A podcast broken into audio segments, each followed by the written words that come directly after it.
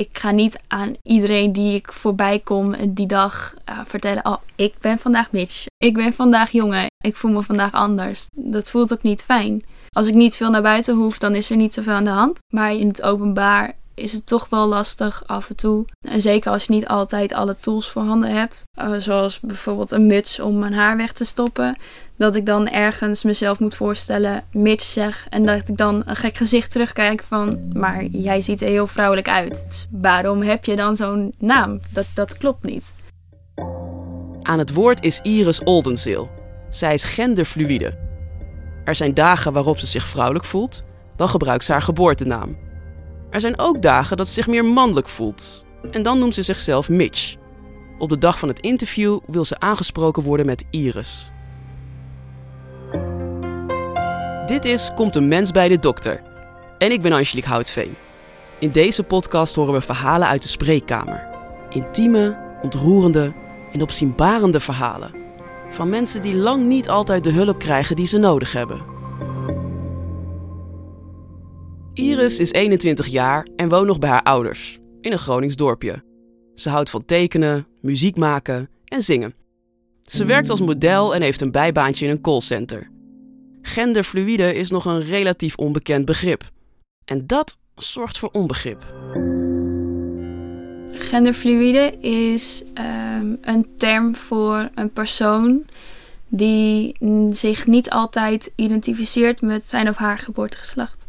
Ik ben geboren als vrouw en heb soms echt duidelijk jongensdagen voor mezelf. En dat draag ik dan ook uit. Losse kleren, mijn uh, haar ergens onder een muts, een hoed. Maar het kan ook zijn dat, ja, dat ik me een beetje neutraal voel, een beetje tussenin. Dat, dat kan ook, hoort er ook bij. Voor mij in elk geval. Voor mij is het heel erg dat ik problemen heb met hoe ik daaruit zie. Als ik een jongensdag heb, en dat hoeft dan dus niet meteen transgender te betekenen. Want bij zo'n persoon is dat een permanent gevoel. Uh, ze voelen zich niet meer, ja, als dat al is geweest, comfortabel met hun geboortegeslacht. En uh, hebben voor zichzelf de, ja, de keuze gemaakt, inzicht gehad dat het andere geslacht daar toch beter bij past. En dat is voor een genderfluïde persoon heel anders. Tenminste, zoals ik het ervaar ik heb niet permanent het gevoel dat ik me niet uh, comfortabel voel in mijn, uh, in mijn lichaam, mijn geboortegeslacht. Maar in principe, ik ben nog steeds ik. En of ik nou een meisjesdag heb of een jongensdag, ik blijf hetzelfde. Als puber voelt Iris dat er iets niet klopt. De verwarring die haar spiegelbeeld kan oproepen, die bij vlagen omslaat in afkeer. Het gevoel komt op en ebt weg. Wat is er met haar aan de hand? Op haar zestiende treft ze online de term genderfluïde en ze denkt, dat past bij mij. Voor haar geeft de naam Mitch duidelijkheid. Zo kan ze voor zichzelf en voor de buitenwereld benoemen hoe ze zich die dag voelt. Vandaag ben ik Mitch, zegt ze dan tegen haar ouders als ze ochtends beneden komt. Mijn ouders hebben ook geprobeerd om daar mee, in mee te gaan. Ze zijn heel open en heel, uh, heel accepterend daarin. Alleen is het voor hun heel erg lastig om de ene dag mij als hun dochter aan te spreken, eigenlijk zoals het altijd gaat, en dat er dan een dag tussendoor komt waarin ze me anders moeten gaan noemen. Eh, ja, dat blijkt toch te lastig voor hun. En daar heb ik op zich wel vrede mee. Bij vrienden doe ik het wel. Bij vrienden geef ik het wel aan van jongens, vandaag even Mitch als het kan. eh, ook als het kan, omdat ik weet dat ze mij gewoon kennen als Iris. En dat het er wel eens uit kan vloepen. hey Iris, kom je? Oh, kut. En dan dat ze dan moeten zeggen van, oh, sorry. en, eh, en zich dan heel schuldig over voelen. Dus ik dek dat altijd meteen in. Want ik weet dat dat heel lastig is. En alleen al dat ze het proberen is gewoon heel fijn. Iris heeft op haar 21ste vrienden die haar accepteren zoals ze is voor wie LHBTI er gewoon bij hoort. Homo, lesbisch, bi, transgender, intersexe en wat onder de plus valt, zoals genderfluïde. Ze heeft een lange weg afgelegd om hier te komen. Tijdens haar jeugd is ze eenzaam, altijd alleen, gepest. Dat begint al in groep 2 en dat gaat door tot in 4 HAVO. Als ze in een andere klas komt, hoopt ze op een frisse start.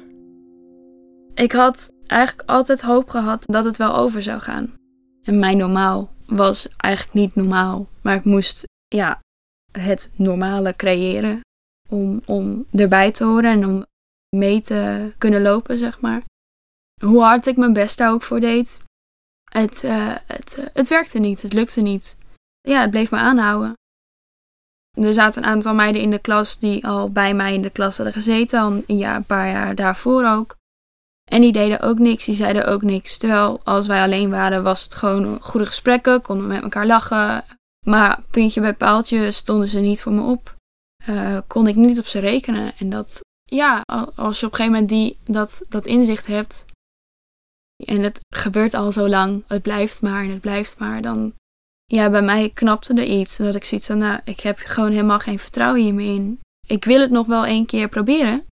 Met echte hulp. Anders dan, ja, dan zie ik het gewoon echt niet meer zitten. Ik probeerde het gewoon al heel erg lang. Eigenlijk al zolang als ik me kan herinneren. Altijd geprobeerd om het toch maar aan te passen zodat ik erbij hoorde. Ja, er waren twee jongens die hadden de pik op mij. En uh, de rest leek dat een beetje te merken. En die twee jongens die... Uh, op een gegeven moment zaten ze in een les voor mij. En begonnen aan mijn tafel te rammelen. En uh, mijn tas te pakken. Dingen eruit te pakken constant treiteren en kijken tot hoe ver ze konden gaan. Mijn leraar stond er met zijn neus bovenop en deed niks, zei niks. Dus toen knapte er iets. En toen meteen gevraagd of ik naar de counselor mocht. Ik schreeuwde het eigenlijk bijna door de klas heen, omdat er iets binnenin mij gewoon helemaal klaar was met alles wat er daarvoor ook allemaal gebeurd was. En toen uh, ben ik naar de counselor gegaan en toen heb ik gewoon hulp geëist eigenlijk. Zo van als, het nu niet, uh, als er nu niet hulp komt om het op te lossen, dan ga ik het zelf doen. Want ik, ik trek dit niet langer. En op een gegeven moment had ik zoiets van, als ik alles van mezelf achterweg moet laten, wat voor leven heb ik dan? Daar komt niks leuks uit. Niks. Dat is gewoon geen leven meer. Iedereen leek allemaal leuke levens te hebben en te kunnen lachen en plezier te kunnen hebben. En uh, zich daar niet voor in te hoeven houden. En dan kom ik met mijn hoge emoties en mijn flatterende armen af en toe en mijn, mijn gespring en mijn gestuiter.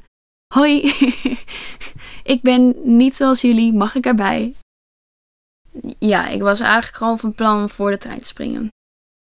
Het heeft me, oeh, het, het heeft me zo lang al niks gedaan, maar het, het doet me nu wel iets, kan ik, merk ik wel. Ja. Anders zijn, niet voldoen aan de heersende norm, maakt fundamenteel eenzaam. Iris zit opgesloten in zichzelf. Haar ouders weten dat ze wordt gepest, maar niet dat hun dochter zo wanhopig is dat ze er een einde aan wil maken.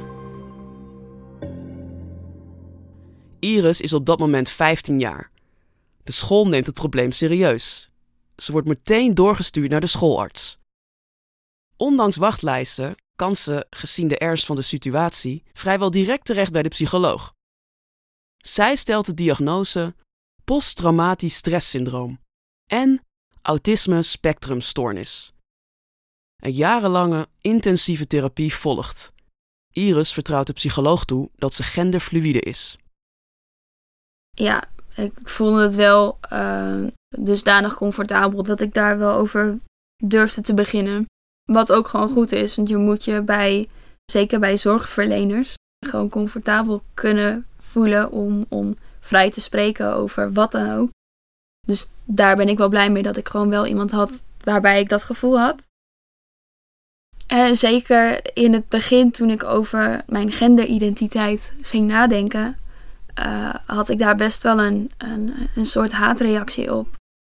En dat, dat komt dan ook voort uit van allerlei andere problemen die ik had uh, op dat moment. Dan kwam dat er ook nog weer bij. Ja, als je daar constant mee bezig bent uh, en er dan achter komt dat het niet per se normaal is, dan ga je daar toch een soort, en zeker als je jong bent, daar toch een beetje een soort haatneiging naar maken. Want ja, heb je weer het zoveelste ding wat al niet klopt of wat al niet goed is. En waarom kan ik niet gewoon alleen meisje zijn?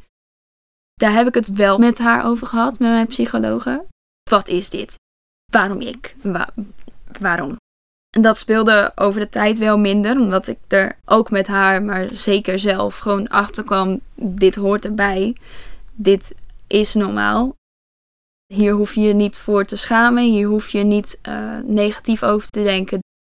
Als je erachter komt dat jij jij bent en dat aspect bij jou hoort en dat het jou alleen maar meer jou maakt, dan uh, valt er een last van je schouders af.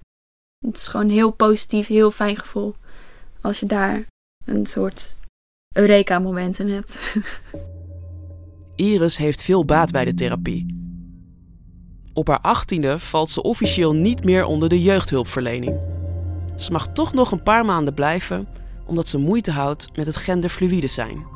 Het was nog steeds niet helemaal oké in mijn hoofd. En nou ja, dan wordt het warm. En, maar die muts heb je wel nodig om je haar dan weg te stoppen. En toen dacht ik, ja, waarom moet ik nou weer ik, die al zoveel, zoveel moeite heeft, moet dan ook nog met dit warme weer als een soort ja, verdwaalde Eskimo of zo, om uh, dan toch die muts nog weer op. Die, die, die blikken die je dan krijgt, waarom loopt die gast in hemelsnaam met die muts met 25 graden buiten? waarom, wat, ben jij aan het doen? Uh, spoor jij wel? Wat voor mij normaal was, was eigenlijk nooit het normale in, uh, ja, in de ogen van een ander. Dus ik had op een gegeven moment wel echt zoiets van: kan ik wel normaal zijn? Is, is dat bij mij, is daar een programma voor bij mij geïnstalleerd? Of moet dat nog? Is dat ergens zoek geraakt of zo?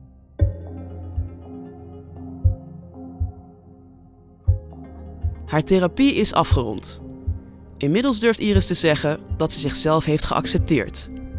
Het verlangen om erbij te horen niet af te wijken van de heersende norm, is gebleven. Daar is ze eerlijk over. Ik heb zo lang niet bij iets gehoord. Ik wil dat wel. Ik ben daar klaar mee om niet meer ergens bij te horen. Ik wil in elk geval ergens bij horen en, en toch een soort normaal labeltje hebben. Dus ja, ergens is dan een moment dat ik dacht van ja, ik, ik wil dit niet meer. Ik ben daar klaar mee om, om overal maar rond te zweven dat was toch wel een, uh, uh, ja, een mentale struggle. Het is de reden dat ze haar haar lang laat groeien. Ze is moe van de blikken op straat, de vragen die ze krijgt, de verantwoording die ze telkens weer moet afleggen. Het is dubbel. Ze haat hokjes en ze houdt van hokjes. En dan liep ik gewoon ergens langs met mijn vriend en dan hoorde ik twee kindjes. Was dat nou een meisje of een jongetje? naar elkaar. En dat is, aan de ene kant vond ik dat heel grappig en heel schattig. En aan de andere kant gaat dat dan toch ergens in mijn hoofd blijft dat zitten. En gaat het een beetje woelen van, goh, is dit wat iedereen denkt op het moment dat ze mij zien? Misschien is dit toch niet zo fijn, want ik pas nu in geen enkel hokje schijnbaar. En dan krijgen we toch weer dat, dat hokjesgevoel. Op een gegeven moment had ik voor mezelf de doorslag gemaakt. Dat ik dacht van nou, dan gaan we het maar heel lang laten groeien dat geeft dan toch ergens weer die rust voor mij. Dat ik dan toch weer die zekerheid heb dat ik weer ergens in een hokje geplaatst kan worden, zolang ze nog bestaan. Vind ik ze stiekem toch wel fijn, knus en gezellig om uh, erin te zitten. Haar vriend kent ze nu 2,5 jaar. Ze is happy met hem. Eerder had ze een relatie met een meisje. Ze beschouwt zichzelf als panseksueel. Ze valt niet op een bepaald geslacht, maar op een persoon dat sluit mooi aan bij genderfluïde.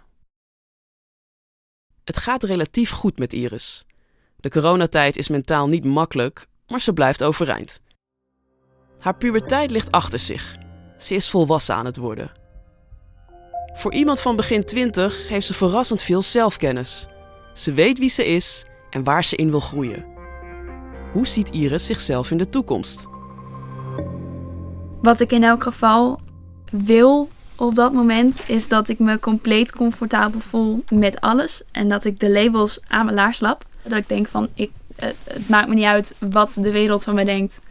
Maar ik ben ik en die labels kunnen me uh, een zorg zijn. Dat, boeit me echt niet. Uh, daar heb ik nu alleen nog niet het zelfvertrouwen voor om dat volledig uit te dragen. Dus ik hoop dat ik op, over een aantal jaar dat wel heb. Dat ik bij wijze van mijn kop kaal scheer. Om extreem maar te zeggen van de wereld kan me echt, uh, ja, kan me rug op. Ja, ik hoop dat ik over uh, een aantal jaar die zelfstandigheid nog, nog meer uh, heb ontwikkeld. En dat ik um, die vooroordelen die mensen automatisch maken, dat ik, die, dat ik daar niet meer over na hoef te denken. Dat ik gewoon puur mezelf kan zijn. Dit was het verhaal van Iris. Zij voelde zich tijdens haar therapie vrij en veilig om over seksualiteit en haar genderfluïde zijn te praten. Helaas zijn de ervaringen van LHBTI-jongeren met de hulpverlening lang niet altijd positief. Wat is belangrijk in de behandeling van LHBTI-jongeren? Wat kan er beter? Eva van den Broek heeft daar een goed antwoord op. Zij is als psycholoog en seksuoloog in opleiding werkzaam bij de jeugdgeestelijke gezondheidszorg.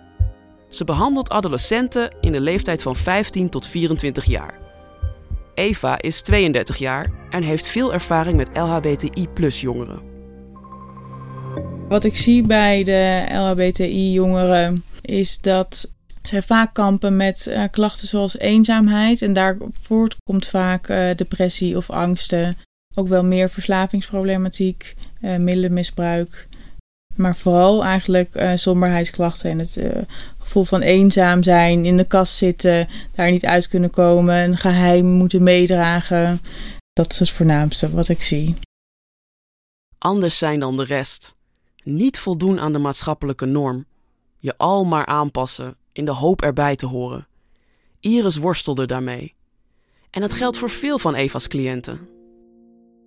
Dat is absoluut niet vol te houden. Als je constant moet aanpassen aan de maatschappelijke norm en je voelt je anders dan die norm, um, helaas, hè, dat, dat, dat, dat je nog het gevoel hebt dat je dan anders bent als je niet heteroseksueel bent. Maar dat, dat kost enorm veel energie en enorm veel aanpassing. En dat, dat slaat natuurlijk op je stemming, omdat je het idee hebt anders te zijn, terwijl het natuurlijk helemaal niet zo is. Je ziet vaak zelfhaat of in elk geval een negatief zelfbeeld. Dat, dat, komt, uh, dat komt veel voor. Of waarom, waarom moet ik zo zijn? Waarom voel ik me anders? En daarin kan je natuurlijk heel erg met jezelf in isolement raken. Ja, dus dat je, dat je daarin enorm vast komt te zitten. Deze jongeren hebben twee keer zo vaak emotionele problemen en gedragsproblemen. Onder lesbische, homo- en biseksuele jongeren komen zelfmoordpogingen bijna vijf keer vaker voor dan onder hetero jongeren. Ze komen vaak bij Eva met complexe problematiek, we zien zeker hoge percentages depressie, ook hoge percentages angst, uh, meer, uh, meer verslavingsproblematiek, uh, meer obesitas ook. en dus veel meer middelenmisbruik ook. En um, ook eerder onveilige seks onder homoseksuele jongeren. Het is vaker ongepland. En het is ook vaker met onbekenden. Dus daarin zitten ook meerdere nou ja, gevaarlijke kanten. Eva ziet dat langzaamaan meer genderfluïde jongeren zich melden bij de jeugdhulpverlening. En ze merkt dat het onderwerp leeft onder jongeren. Je ziet sowieso onder de meiden dat zij veel vaker zeggen dat ze biseksueel zijn bijvoorbeeld. Of dat daar in elk geval veel meer openheid over is. En je hoort ook veel meer termen zoals genderfluide of non-binair. Ehm, en ik merk dat ik en onze collega's, dat we daarin af en toe extra huiswerk moeten doen om te kijken wat speelt er nu op dit moment allemaal. En dat dat voor de jongere generatie veel meer al in hun uh, leven verweven is. Veel therapeuten vinden dat seksualiteit een privé-aangelegenheid is en beginnen er niet zelf over, waardoor ook het onderwerp genderidentiteit blijft liggen. Eva stelt dat het onderwerp seksualiteit altijd aan bod moet komen. Wat er vaak misgaat is dat therapeuten helemaal niet vragen naar seksualiteit.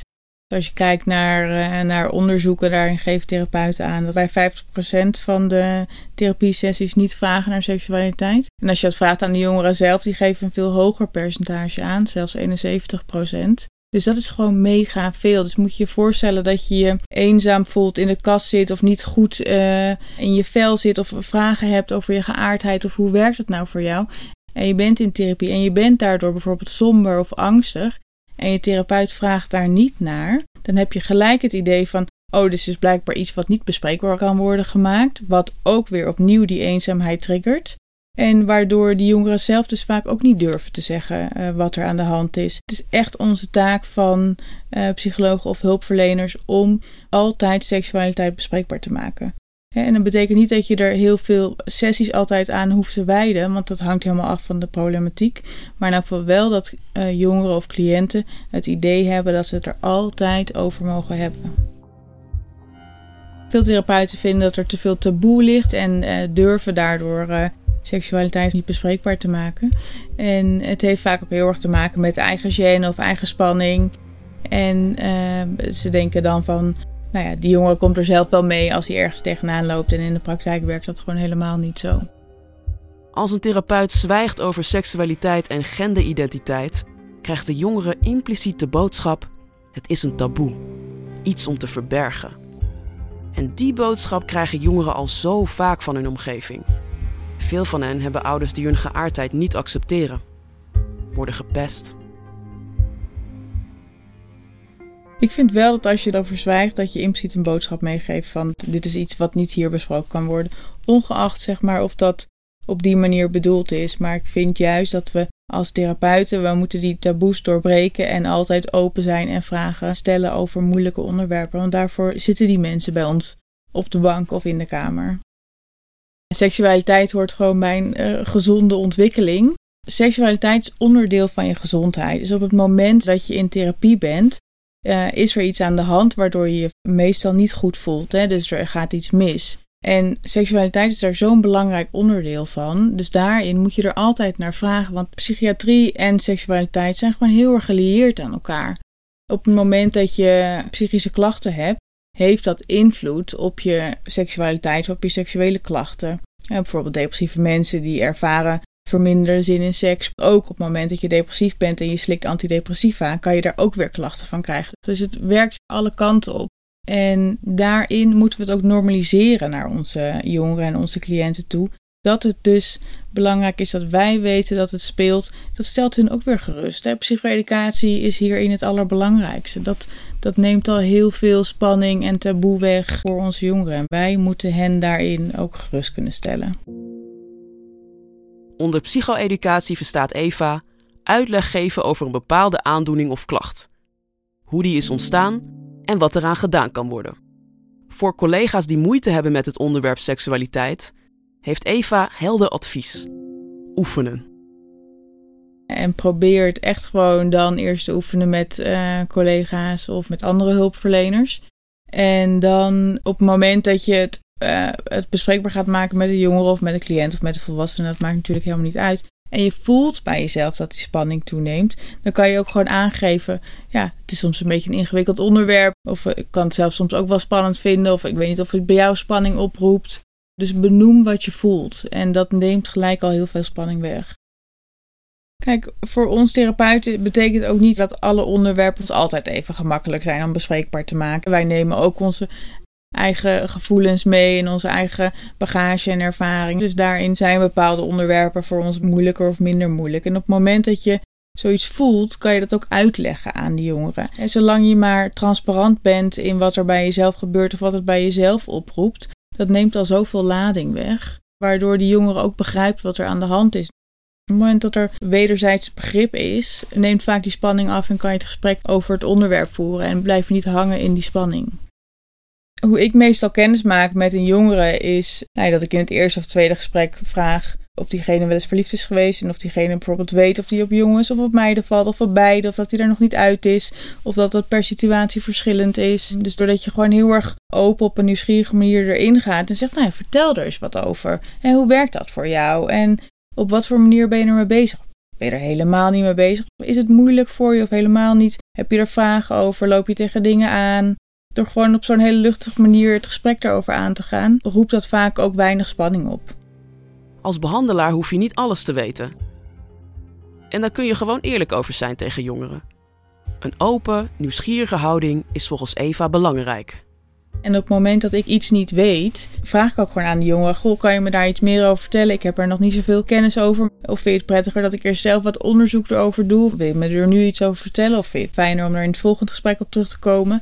Jongeren hebben heel erg goed door als ik dingen verzin of niet weet of me anders ga gedragen. Daardoor gaan ze ook denken van hé, hey, er is iets anders aan de hand of zij reageert daarop anders. Dus ik probeer gewoon altijd open en transparant te zijn op het moment dat ik iets niet weet. En dat vinden jongeren ook vaak heel erg leuk. Want daarmee maak je het ook uh, interactief. En, want vaak hebben jongeren toch ook wat idee van: oh ja, dan kom je bij een psycholoog en dan gaat zij mij wel vertellen hoe ik in elkaar zit of hoe dat allemaal werkt. Nee, zo werkt dat niet. Hè. We gaan samen onderzoeken waar die jongere tegenaan loopt en hoe dat voor diegene werkt, want iedere jongere is anders. En samen proberen we daar dan uit te komen of daar naar te kijken of een oplossing voor te vinden of dingen op een andere manier te benaderen. Eva heeft een relatie met een vrouw. Zij is van mening dat lesbische, homo of biseksuele zorgverleners hun geaardheid kunnen inzetten tijdens de therapie. Dat helpt om een veilig klimaat te creëren. Ik denk dat het zeker in het werken met jongeren belangrijk is om iets van jezelf te laten zien.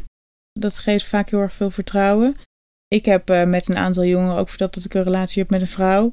En daarin zie je gelijk dat het bij hun een soort van opluchting of erkenning geeft. Van oh, misschien kan zij me dan nog meer begrijpen, op een andere manier begrijpen. Ja, waardoor je ook wel weer ander contact hebt.